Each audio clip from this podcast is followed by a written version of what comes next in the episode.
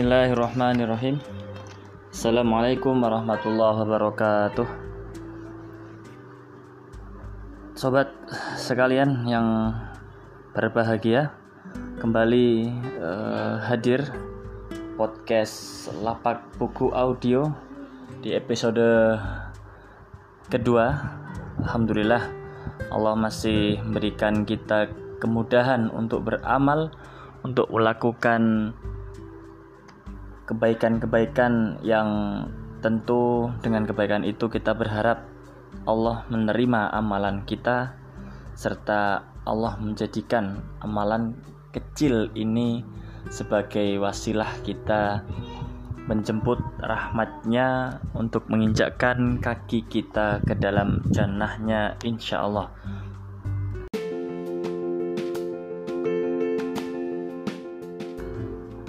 Sobat pendengar sekalian yang dirahmati Allah, di episode kedua ini uh, saya akan melanjutkan uh, ulasan tentang kitab Dr. Majid Irsan Kailani yang diterjemahkan oleh Gurunda Ustadz Asep Sobari dengan judul model kebangkitan umat Islam di mana di episode sebelumnya kemarin uh, saya telah membahas dan mengupas tuntas tentang daftar isi kitab ini, maka di pertemuan ini atau di episode ini saya akan mengupas tentang bagaimana uh, mukaddimah dari kitab ini yang dipaparkan oleh sang muallif yakni Dr. Majid Irsan Al-Kilani. Sangat menarik uh, sobat sekalian bahwasanya mukaddimah beliau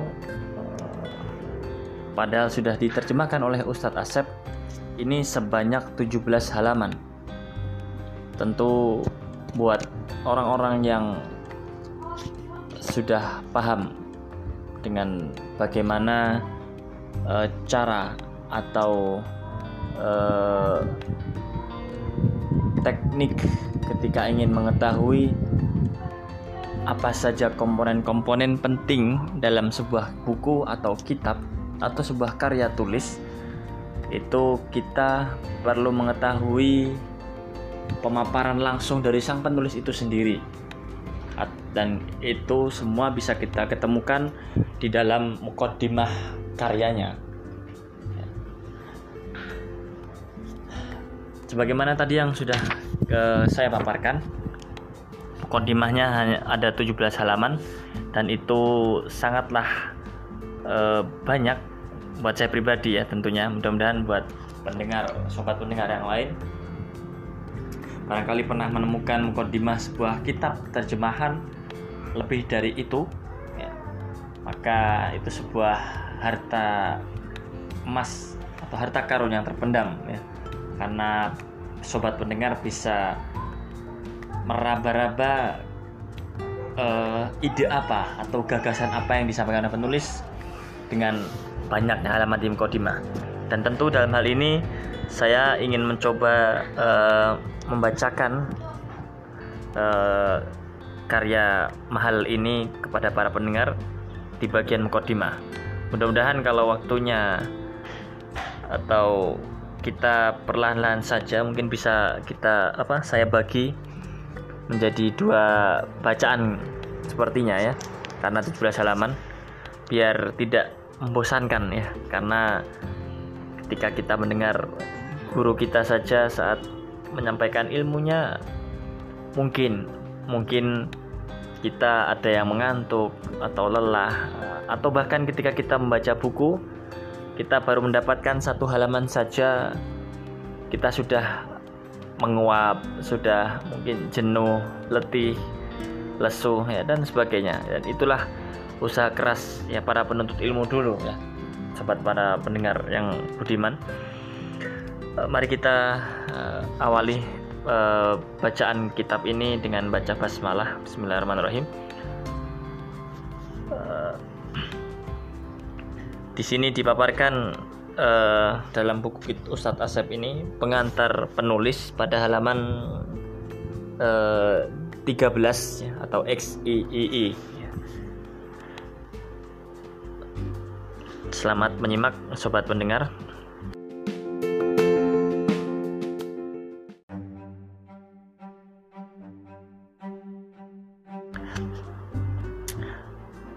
Saat buku Hakada Waharajil Salahuddin wa Hakada Adatil Quds edisi ini diterbitkan diterbitkan tahun 2000 dunia Islam tengah menerima gempuran hebat untuk beberapa kali.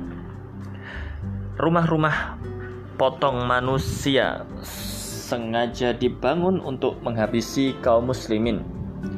Darah ditumpahkan kesucian dinodai kehormatan dicidrai, dan segenap sumber daya dijarah. Ironisnya, ketika semua kejadian tragis tersebut dibicarakan di ruang-ruang sidang PBB, juga organisasi dan forum politik berskala internasional lainnya, kejahatan para penzolim itu malah dipandang sebagai kebenaran Sementara hak orang-orang yang teraniaya malah dianggap kebatilan. Keputusan-keputusan yang dibuat mereka itu menunjukkan dengan jelas i'jaz yang terkandung dalam firman Allah Subhanahu wa taala. Di dalam surat At-Taubah ayat ke-8 yang kurang lebih berbunyi أعوذ بالله من الشيطان الرجيم. كيف وإن يظهروا عليكم لا يركبوا فيكم إلا ولا ذمة يرضونكم بأفواههم وتأبى قلوبهم وأكثرهم فاسقون. Artinya bagaimana bisa selama sedang jika mereka itu dapat mengalahkanmu, maka mereka tidak akan peduli dengan hubungan kekerabatan dan tidak pula mengindahkan perjanjian.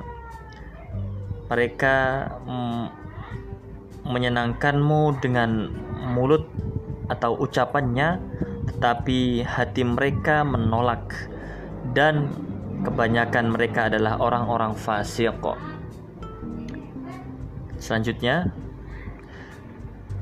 sementara itu kaum muslimin hanya bisa menatap penuh harap kepada semua orang di sekelilingnya, tapi tidak ada satupun pihak yang membelanya, sehingga mereka hanya bisa mengucapkan firman Allah yang lain.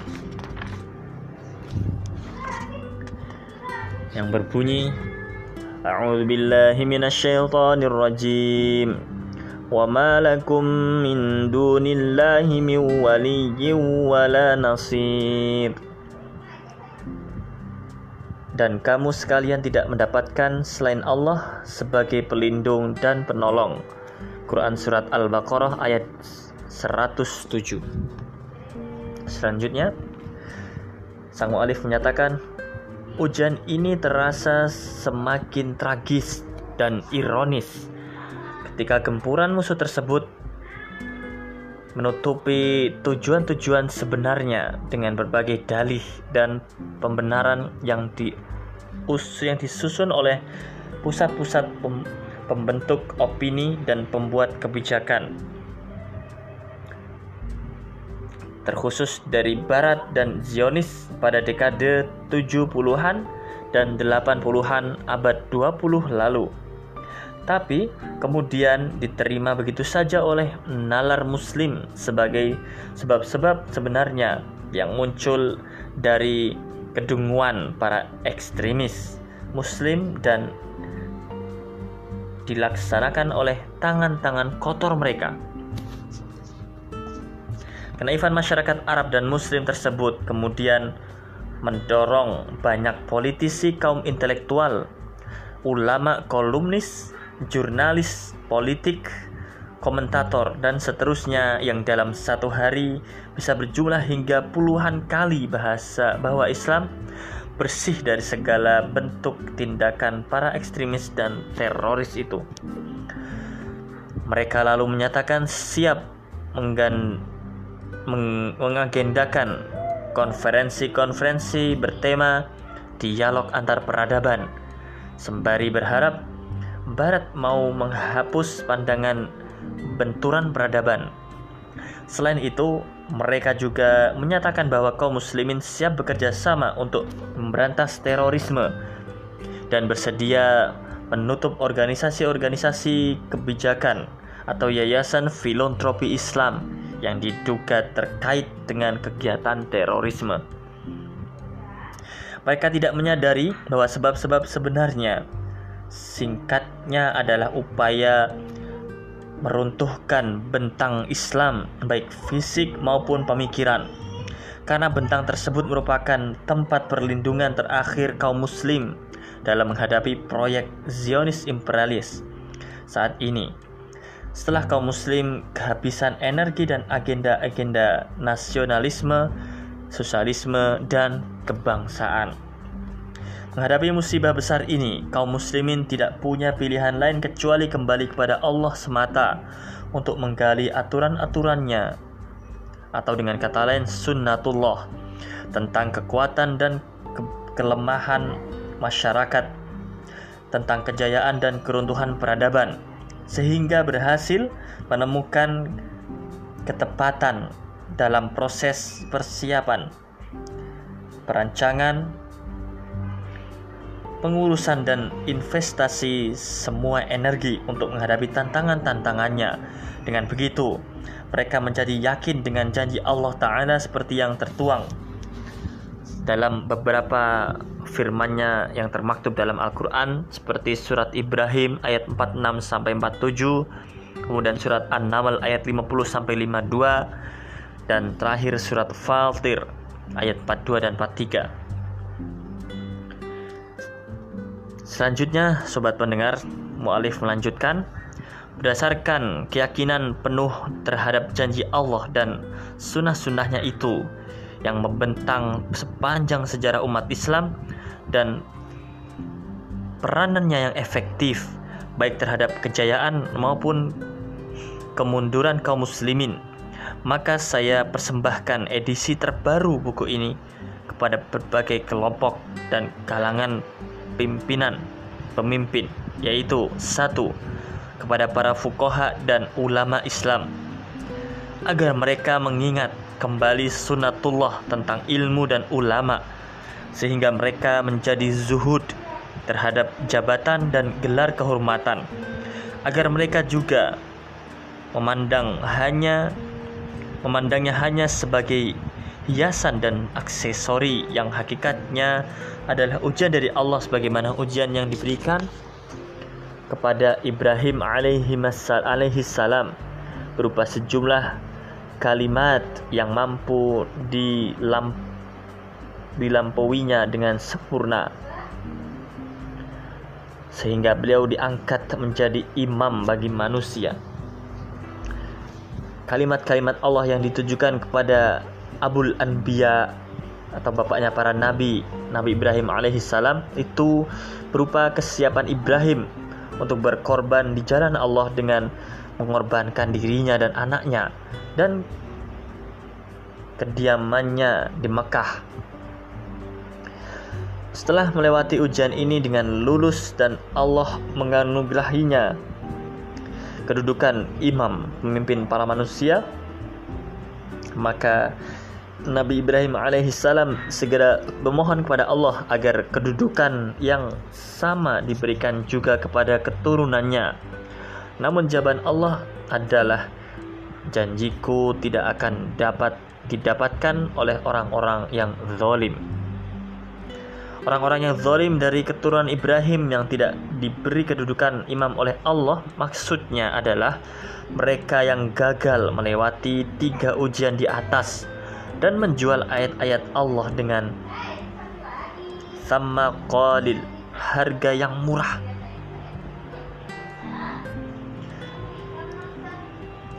kadar saman kolil dalam pandangan Ibnu Abbas radhiyallahu anhu adalah dunia berikut isinya. Kemudian ke kepada para raja, para pemimpin negara dan mat dan para menteri agar mereka memiliki pandangan yang jelas tentang sunatullah dalam hal keadilan. Demi tegaknya keadilan, inilah Allah mengutus para rasul dan menurunkan bersama mereka Alkitab untuk menjelaskan praktik keadilan dan perinciannya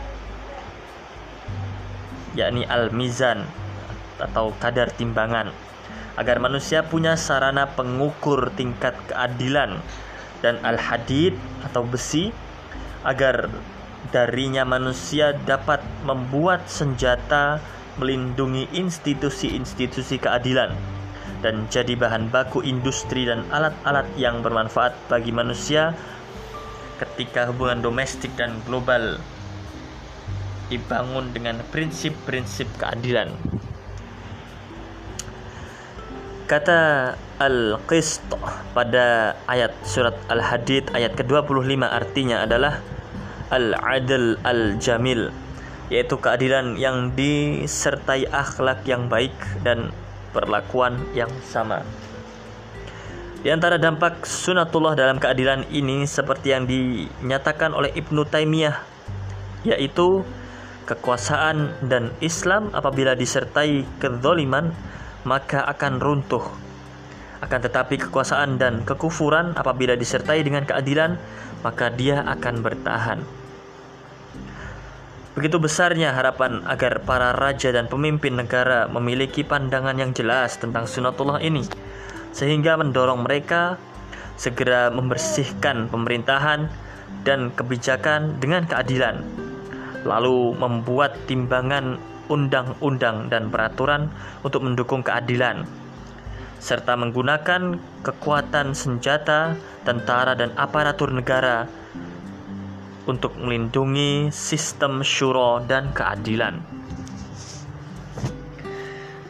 Kemudian pesan selanjutnya ditujukan kepada para pemimpin kelompok Islam partisan dan organisasi agar mengerti dengan jelas sunatullah dalam al-amal as-salih sehingga mereka selalu menjaga unsur ikhlas dan tepat secara seimbang.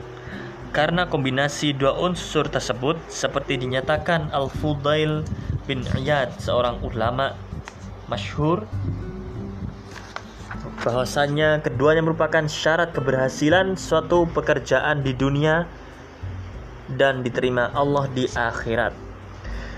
Jika terdapat unsur ikhlas tetapi tidak disertai unsur tepat, maka perbuatan tidak akan berhasil. Dalam artian, tidak mencapai target yang diinginkan. Sebaliknya, jika terdapat unsur tepat tetapi kehilangan unsur keikhlasan, maka perbuatan tersebut tidak akan diterima Allah. Sedang jika dua unsur tersebut terpenuhi, maka perbuatan akan diterima sekaligus berhasil.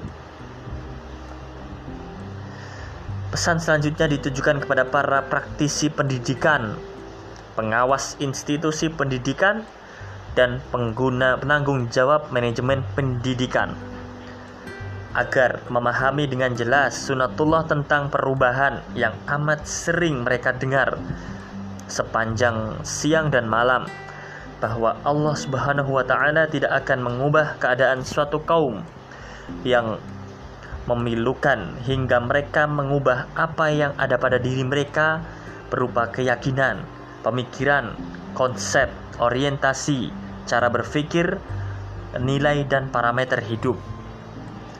Perubahan-perubahan tersebut dilakukan dengan cara mengevaluasi kurikulum dan metode pendidikan. Dan pengajaran juga karakter para praktisi dan penanggung jawabnya. Lalu menggantinya dengan berbagai model yang mampu mengembalikan kemanusiaan insan muslim yang selama ini telah tercemar oleh institusi-institusi pendidikan yang dasar kurikulum dan pelaksanaannya digawangi oleh para duta dan ahli penjajahan budaya. Proses perusakan ini diikuti oleh korban-korban pendidikan barat. Akibat perusakan tersebut adalah munculnya generasi-generasi yang hanya mengerti kekalahan, kehinaan, inferior, berorientasi duniawi, meninggalkan jihad, menghamba kepada harta dan para penguasanya, dan berbudaya konsumtif dengan menyukai barang-barang impor dan merusak sumber-sumber domestik untuk dipasarkan pihak asing. Pesan selanjutnya yang disampaikan mu'alif adalah ditujukan kepada para kalangan militer agar mengerti dengan jelas sunatullah tentang kenegaraan. Maaf, sunatullah tentang kemenangan dan jihad. Sehingga mereka mau membangun madrasah militer islami dengan menerapkan segala teori institusi dan latihannya yang mendidik para tentara untuk mencintai makna Allahu Akbar dan prinsip aku tidak berperang untuk seorang Umar melainkan memiliki program-program orientasi spiritual yang terinspirasi dalam firman Allah yang berbunyi أعوذ بالله من الشيطان الرجيم يا أيها الذين آمنوا إذا لقيتم فئة فاثبتوا إذا لقيتم فئة فاثبتوا واذكروا الله كثيرا لعلكم تفلحون Artinya, wahai orang-orang beriman, apabila kamu memerangi pasukan musuh, maka teguhkanlah hatimu dan sebutlah nama Allah sebanyak-banyaknya agar engkau beruntung.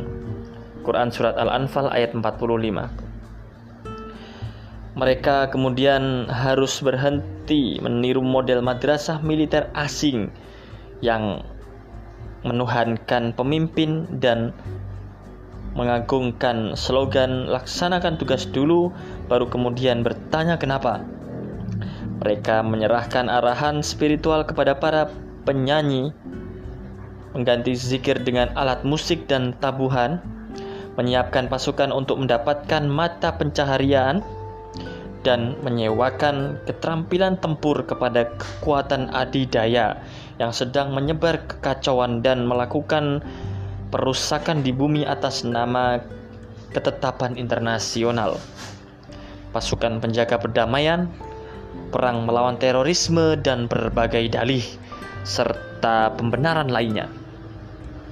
Selanjutnya sang mu'alif menunjukkan pesan kepada para ahli sejarah dan pemegang kebijakan kebudayaan, media informasi, dan kesenian agar mereka memahami sunatullah dalam membersihkan masyarakat dari polusi pemikiran dan segala bentuk praktiknya dalam bidang sosial, dalam bidang pemikiran, dan dalam bidang seni.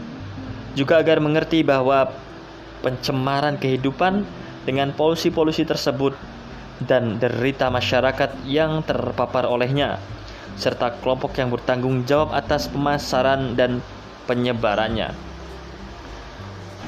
Pesan selanjutnya disampaikan mu'alif kepada para ahli ekonomi dan pengusaha agar mereka mengerti sunatullah tentang ekonomi al-ma'un yaitu ekonomi yang menolong manusia sehingga bisa menjalankan agama dan dunianya juga mengerti tentang ekonomi as-suhad yaitu ekonomi yang menghabisi sendi-sendi utama kehidupan agama dan dunia manusia setelah itu mereka mengerti bagaimana Allah menghubungkan kezoliman-kezoliman ekonomi dengan kehancuran sekian banyak masyarakat.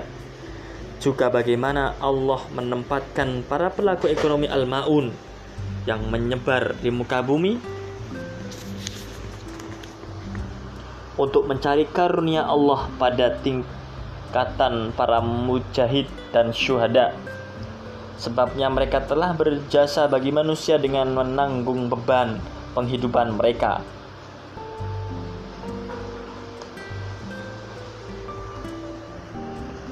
Di sisi lain Allah menghinakan para pelaku ekonomi as dengan orang-orang yang binasa karena berbuat dosa serta permusuhan. Sebabnya karena dua golongan ini sama-sama telah berperan menghancurkan sendi-sendi utama kehidupan manusia. Mereka mendirikan korporasi-korporasi lintas samudra dan institusi-institusi keuangan berskala global untuk menyedot kekayaan bangsa-bangsa di dunia. Mereka pula yang menyerahkan kekuatan militer yang siap bertempur untuk menjalankan rencana-rencana segenap korporasi dan institusi tersebut. Pesan selanjutnya ditujukan kepada negara-negara Tawaif atau bangsa-bangsa yang didirikan para penjajah di atas puing-puing Daulah Utsmaniyah sesuai kesepakatan perjanjian Sykes-Picot dan semisalnya perpecahan umat terus berlanjut setelah itu masing-masing mereka bangga menjadi bagian negara-negara bangsa yang pecah itu dan siap membelanya membabi buta mereka hendaknya mengerti dengan baik bahwa tangan Allah atau pertolongan dan anugerahnya diberikan saat umat bersatu. Persatuan adalah sunnatullah dalam wujud yang mengatur alam manusia, binatang, tumbuhan, dan benda tak bergerak. Memegang teguh al-i'tisam tali Allah dan tidak berpecah merupakan bagian aturan Allah yang terkait dengan kemenangan dan keberhasilan dalam setiap waktu berhadapan dengan musuh. Pesan selanjutnya ditujukan kepada segenap kaum laki-laki dan wanita dari umat Nabi Muhammad SAW ini agar memahami sunnatullah tentang az-zawjiyah atau berpasangan yang mengatur hubungan jenis kelamin dengan asas saling melengkapi atau prinsip akhlak dan estetika. Mengabaikan sunatullah ini akan berakibat pada munculnya kekacauan dan guncangan dalam hubungan tersebut dan akan mengubah jerih payah pasangan suami istri menjadi amal yang tidak solih yang mengakibatkan terjadinya kemandulan sosial dan kesempitan hidup. Alhamdulillah alamin. Demikian uh, sobat pendengar kita simak bersama pembacaan sebagian mukodimah dari kitab Dr. Majid Irsan Al-Kilani yang diterjemahkan oleh Ustadz Asep Sobari LC sangat bernas sekali isinya sangat berbobot sekali dan sangat berkualitas betapa dahsyatnya ya pemaparan sang mualif tentang apa tujuan beliau menulis buku ini dan ditujukan kepada siapa saja buku ini beliau tulis dan beliau karang untuk menjadikan kita semakin gigih dalam memperjuangkan agama Allah ini dan kita mungkin ada dalam bagian orang atau golongan yang Dr. Majid Irsan Kailani sebutkan tadi atau Dr. Ijat Majid Irsan Al Kailani tadi memanggil uh, kita apakah kita termasuk golongan para pemimpin atau para raja atau dalam artian para pemimpin wilayah atau kita apakah seorang aktivis pendidikan atau jajarannya atau kita sebagai bagian dari masyarakat negara-negara Taif itu tentu kita secara tidak langsung masuk di dalamnya maka sobat pendengar budiman uh, mudah-mudahan hati kita terpanggil hati kita tergerak untuk uh, meneruskan perjuangan risalah Islam ini dan mendakwahkan uh, seruan Dr. Majid Irsan ini yang sangat syarat dengan pesan ruh dan perjuangan. Mudah-mudahan Allah jaga kita dan Allah istiqomahkan kita. Kita lanjutkan di pertemuan berikutnya masih dalam tema mukaddimah kitab Dr. Majid Irsan Al-Kilani ini karena masih tersisa beberapa halaman. Allah alam bisawab. Selamat beraktivitas, selamat menunaikan amalan-amalan kebaikan para sobat pendengar yang budiman. Assalamualaikum warahmatullahi wabarakatuh.